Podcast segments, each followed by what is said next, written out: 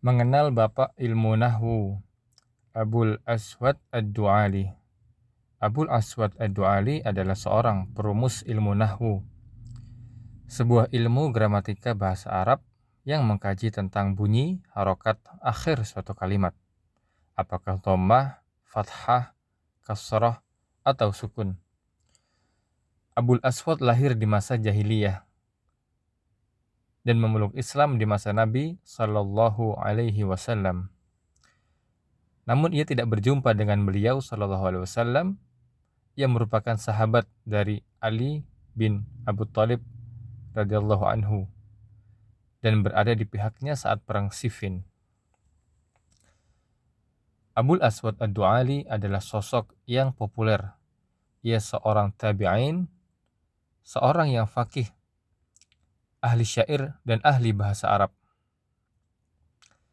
Termasuk seseorang yang bagus visinya dan cerdas pemikirannya. Selain itu, ia juga piawai dalam menunggang kuda. Dialah peletak dasar ilmu nahwu. Dan menurut pendapat yang paling masyhur, dialah yang memberi titik pada huruf-huruf hijaiyah pada mushaf Al-Quran. Nasab dan kelahirannya dia adalah Abul Aswad, namanya Zalim bin Amr bin Sufyan bin Jandal. Ad-Du'ali Al-Kinani Al-Basri, ibunya bernama Tuwailah dari Bani Abduddar bin Qusay.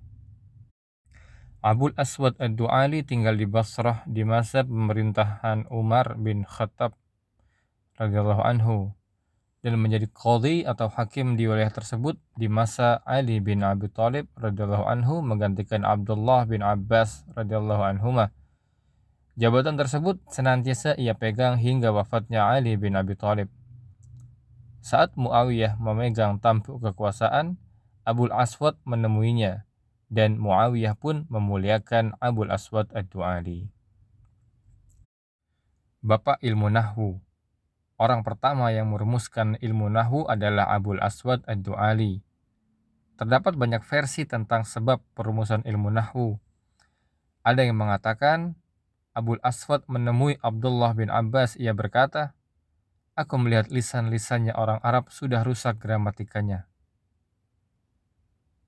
Aku ingin merumuskan sesuatu untuk mereka, sesuatu yang meluruskan kembali lisan-lisan mereka. Ibnu Abbas menanggapi, Mungkin yang kau maksud adalah nahwu. Ya, itu benar. Buatlah rumusan dengan merujuk ke surat Yusuf. Ada juga yang mengatakan salah seorang anak perempuannya berkata, Ya abati, ma ahsanu as-sama'i. Kata ahsanu harokat terakhirnya dhammah dan kata as-sama'i harokat terakhirnya kasrah. Anak tersebut ingin mengatakan, Hai ayah, alangkah indahnya langit.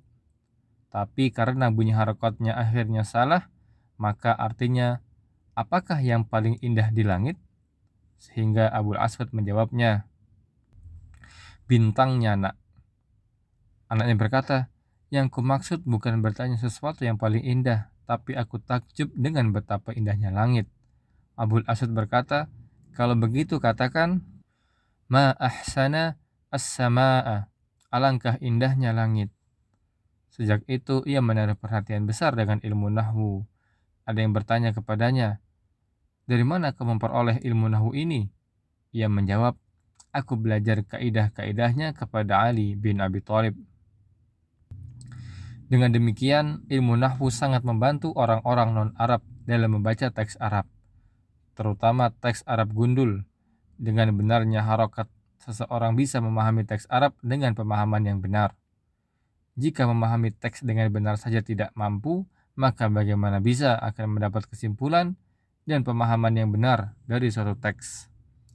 Inilah jasa besar Abul Aswad Ad-Du'ali kepada umat ini. Abul Aswad Ad-Du'ali wafat di Basrah pada tahun 69 Hijriah atau 688 Masehi ia terserang wabah taun. Saat itu usianya 80 tahun. Ada juga yang mengatakan bahwa ia wafat di masa pemerintahan Umar bin Abdul Aziz rahimahullah. Wallahu a'lam bissawab.